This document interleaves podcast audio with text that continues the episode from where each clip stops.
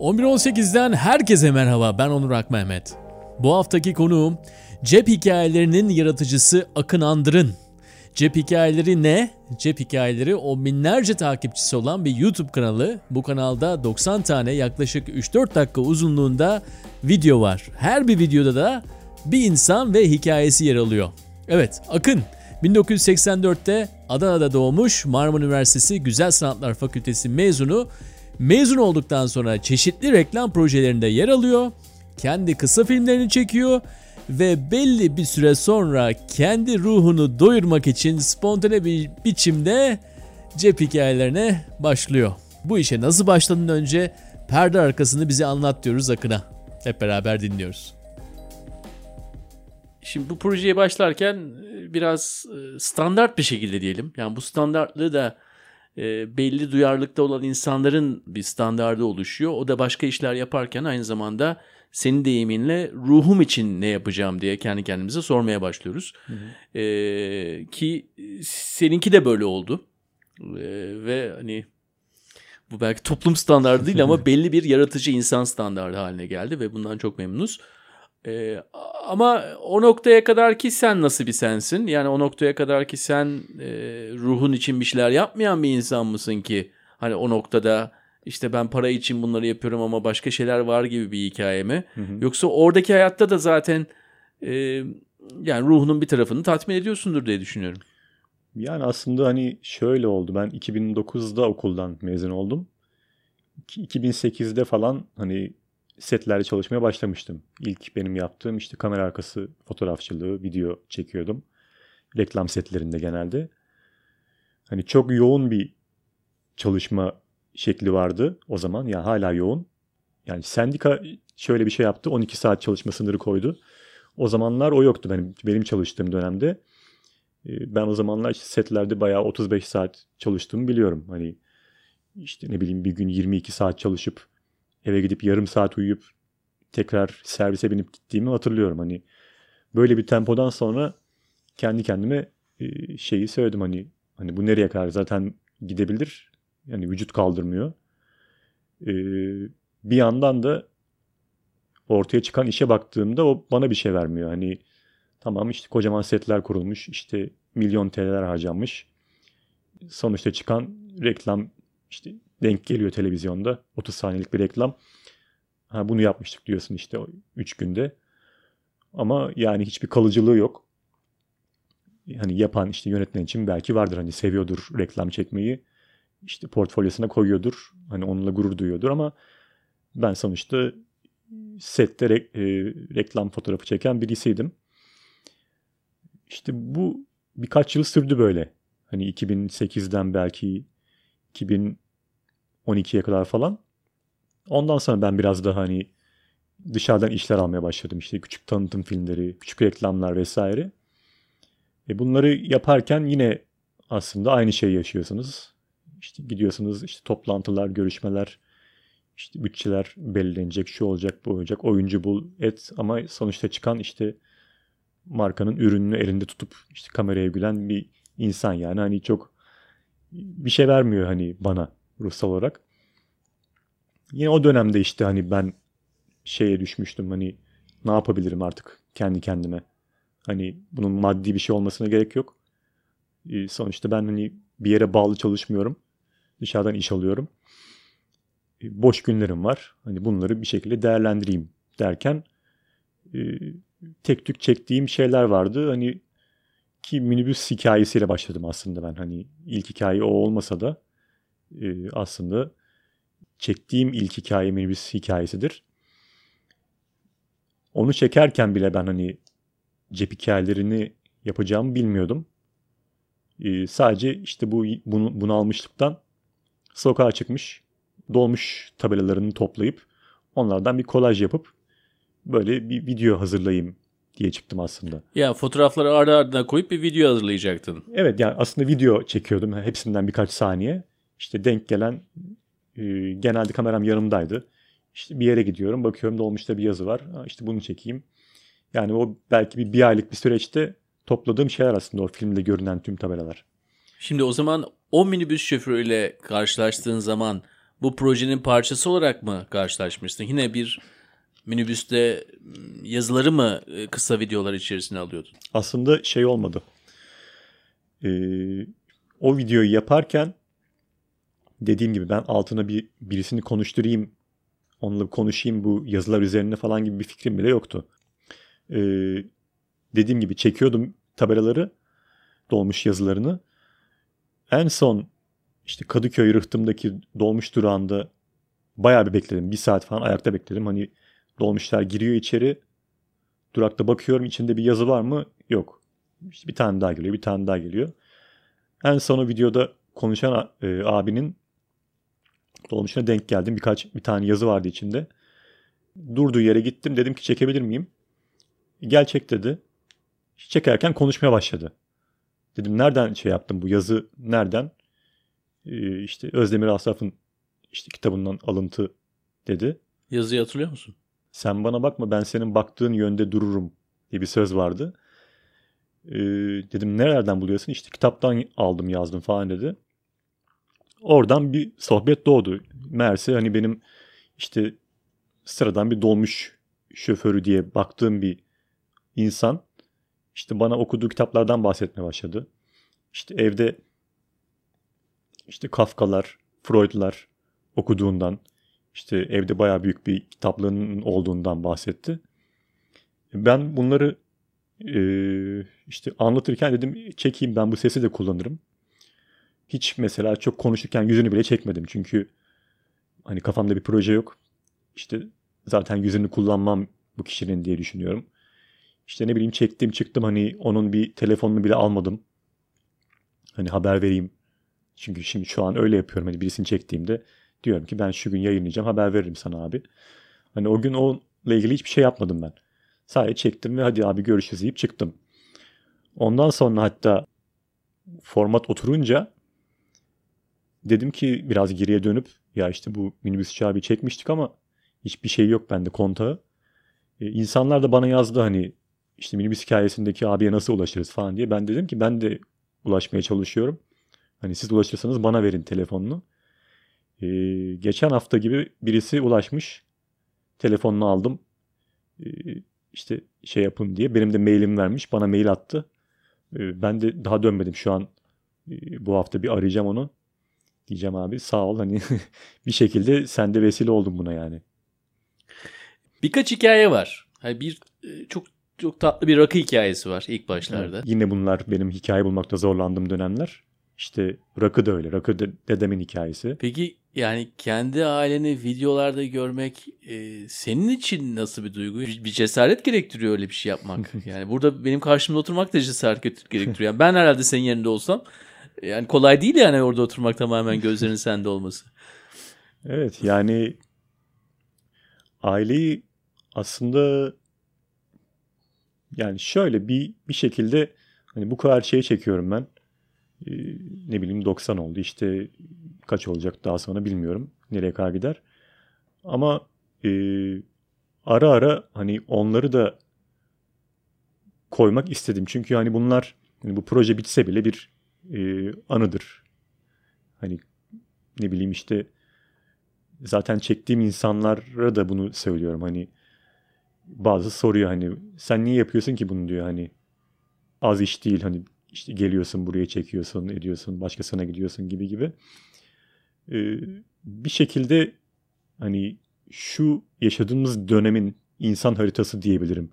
Bir şekilde öyle bir şey çıkıyor ortaya.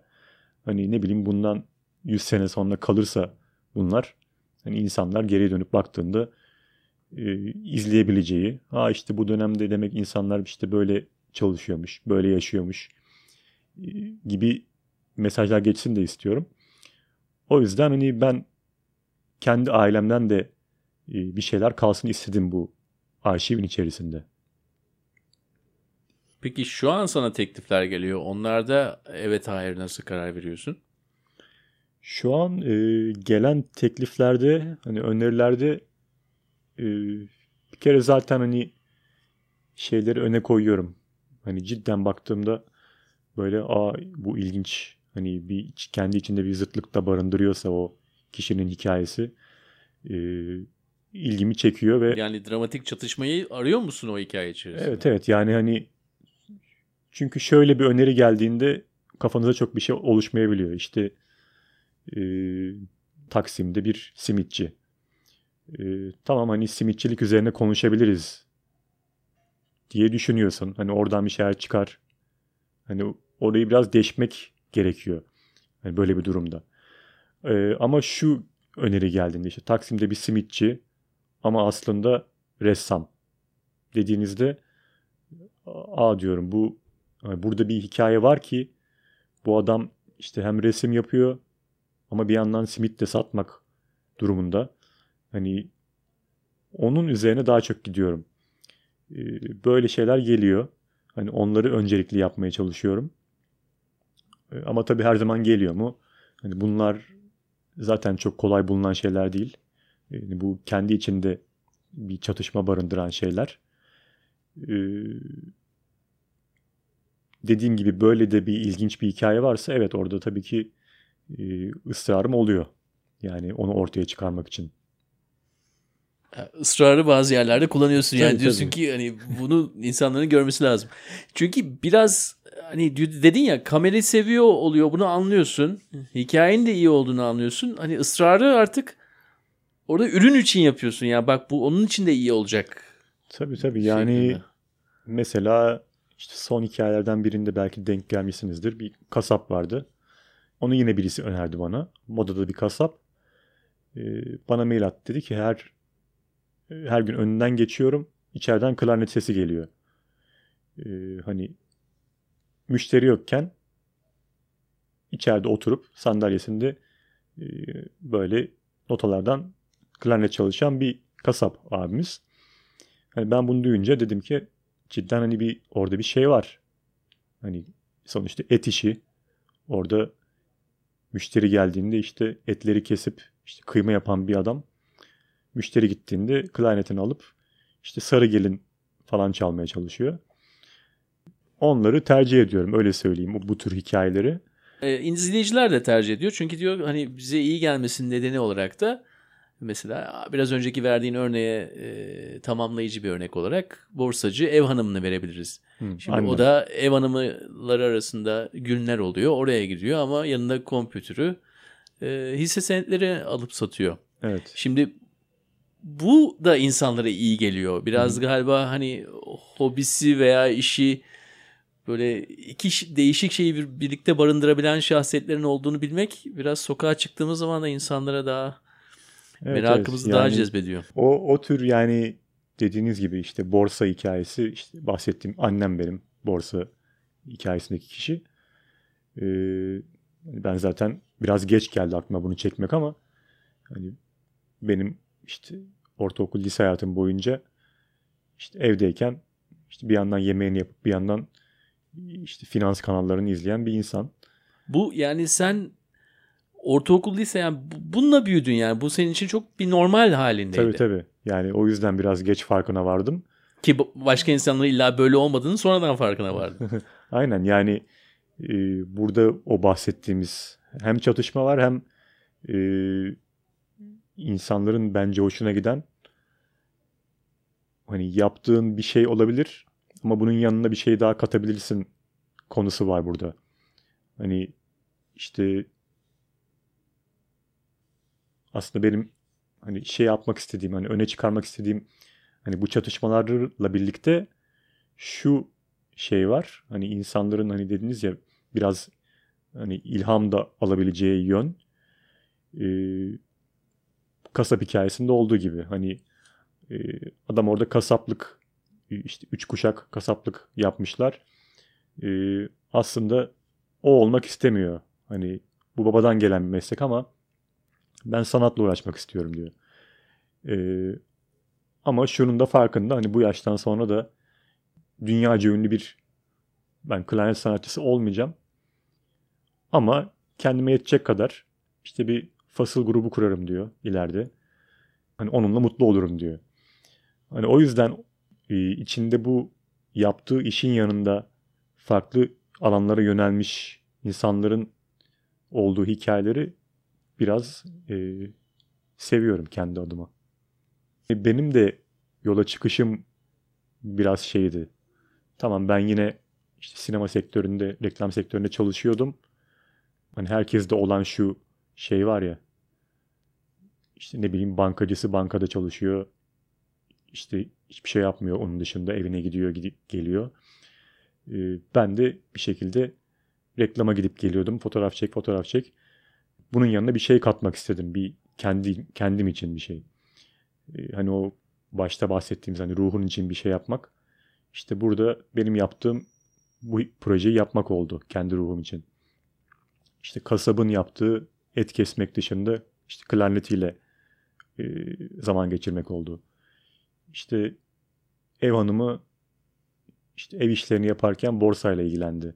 Hani o onu seviyordu. İşte ben bunu seviyorum. Yani hikayelerden biraz e, o mesajı vermeye çalışıyorum. Eğer ortada öyle bir şey varsa hani bak işte sen de hangi işte hangi işi yapıyor oluyorsan ol. E, bunun yanına bir şey katabilirsin. Yani bu biraz geçiyorsa insanlara e, ne mutlu bana. Ee, insan tanıyorum diyorsun. Ee, Birçok insan hani insan tanımaya da biraz hani, yatırım amaçlı bakar mesela der ki işte hastaneye düştüğümüz zaman arayacak birisi olsun. Biraz eski usul düşünme bunlar tabii. Birbirimize daha muhtaç olduğumuz zamanlar. Şimdi sağ olsun şehirler bizi böyle bayağı bir hücrelere ayırdığı için öyle hepimiz tek başına tek yürek gidiyoruz. Yani bu networkler bu biraz daha eskisi kadar güçlü değil belki. Ama şunu demeye çalışıyorum. Ee, senin tanıştığın insanlarla, insan tanıdığın o 90 insanla olan e, iletişimin devam ediyor mu? Mesela iş dışında onları aradığın oldu mu hiçbir zaman? E, veya karşılaştığın oldu mu başka yerlerde? Veya onlar sana e, ya işte Akın ne haber nasılsın falan dedi mi? Yani aslında e, şöyle hani dediğiniz hani o işim düştüğünde arayacağım biri olsun konusu kendi kendine oluşmuş durumda. Çünkü yani çok farklı iş kollarından bir sürü insan tanıdım. Bu da neyi getirdi? Mesela e, bir konuda bir şeye ihtiyaç duyduğumda e, sorabileceğim birileri var. Hani ben mesela normal şartlarda ne bileyim hani yolda yürürken bir marangoza niye gireyim? Hani bir ihtiyacım olmazsa veya bir ihtiyacım olursa hani birilerini arayıp işte tanıdık marangoz var mı? İşte şöyle bir şey lazım oldu birine yönlendir falan demem gerekiyordu. Şu an mesela benim çektiğim bir marangoz var. Ee, hatta denk geldi onu da söyleyeyim. Buradan çıkışta ona gideceğim. Çünkü bir masa yaptırmam gerekti. Ee, geçen haftalarda hemen onu aradım. Dedim işte İdris abi böyle böyle bir masa yaptırmam gerekiyor. Oturduk, çizdik, ettik. Ee, hani o aldı ağaçları başladı. Ben şimdi gidip bakacağım. Ee, ondan bir hafta önce gözlüğümün vidası düştü. Vidayı aldım. Kadıköy'de çektiğim gözlükçü Cevdet abi var. Hemen ona gittim. Ee, orada yapı verdi falan. Hani böyle e, onu işte başına gelince anlıyorsun hani bir şeyin bozuldu. işte bir şeye ihtiyacın oldu. Hemen gidip uğrayabileceğin işte bir sürü insan var. Yani hani onları insan olarak tanımanın dışında bu tarafı da e, insanın hoşuna gidiyor açıkçası. Yani 16 milyonluk bir metropolde o kasaba havasının e, ne anlama geldiğini anlıyoruz yani. evet evet. Bayağı öyle oldu. Hani bir şey mi gerekti? Hemen düşünüyorum. Var mıydı tanıdık? Çektiğim var mıydı? Ha şu var. Hemen ona gideyim. Hemen ona yönlendireyim falan. Ee, şey de olunca zaten hani o kişiyle yaptığım videodan o kişi de memnun olmuşsa e, videodaki kişi o da zaten e, sana özel bir şey gösteriyor, bir ilgi alaka. O yüzden de hani ben onlara güvenip işte gönül rahatlığıyla gözümü de götürebiliyorum. İşte bu masayı da sen yap abi diyebiliyorum yani. Karşılıklı o diyalog e, oluşmuş durumda. Olmadığı oluyor mu peki yani birisinin videosunu beğenmediği oldu mu şu ana kadar? Videosunu beğenmediği Galiba olmadı ya. Yani çünkü hani arayıp söylerdi diye düşünüyorum. Hani çünkü ben arıyorum yayınladım diye sonrasında da bir arayıp izleyebildin mi abi gibi soruyorum. Genelde işte Aa işte izledim ya çok güzel olmuş. Hiç böyle düşünmemiştim. gibi gibi e, şeyler geldi. Ama hiç dediğim gibi böyle bir arayıp da eline sağlık hadi görüşürüz diyen olmadı yani. Genelde o şeyi aldım. Pozitif. O, evet evet o enerjiyi hissettim yani.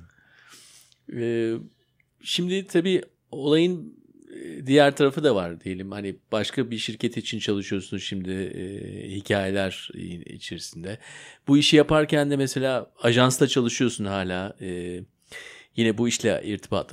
Yani orada herhangi bir şekilde değişiyor mu? Olayın biraz daha ticari tarafı işin içerisine girdiği zaman e, o tür işleri yapınca veya olayın ticaret tarafını hissettiğin zaman bu proje içinde bile e, nasıl bir değişim o böyle?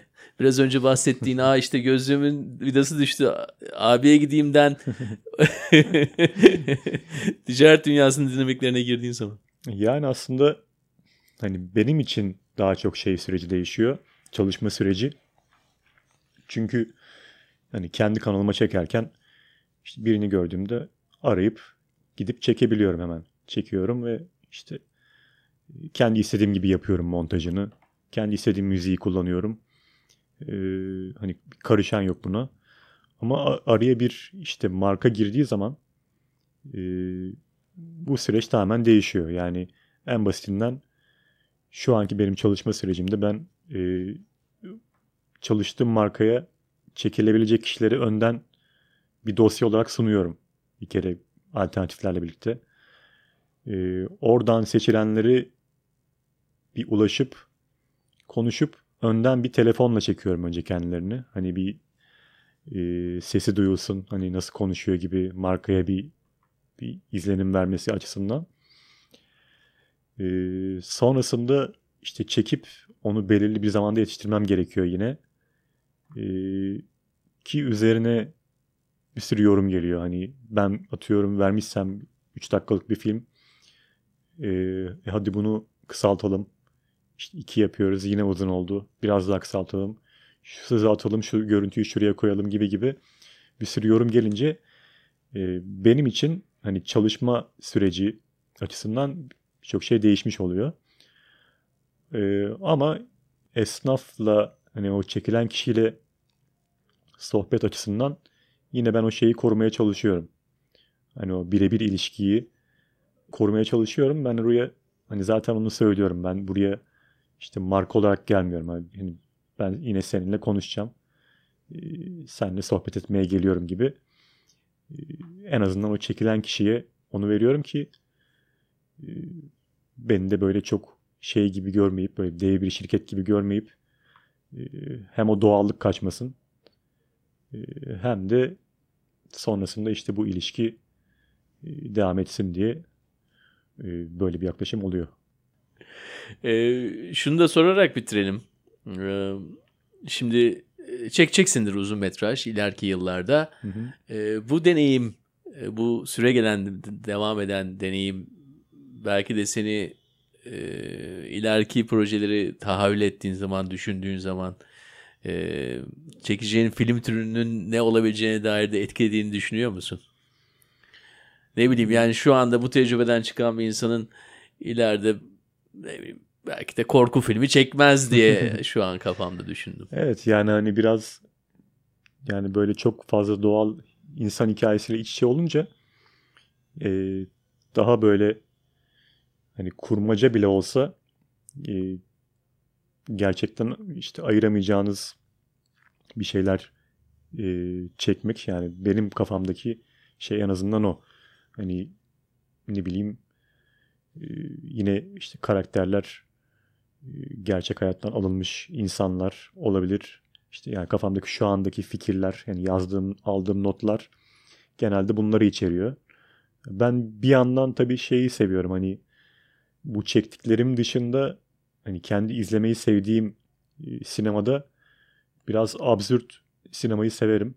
Böyle kötü komedi değil de hani basit komedi diyeyim ona.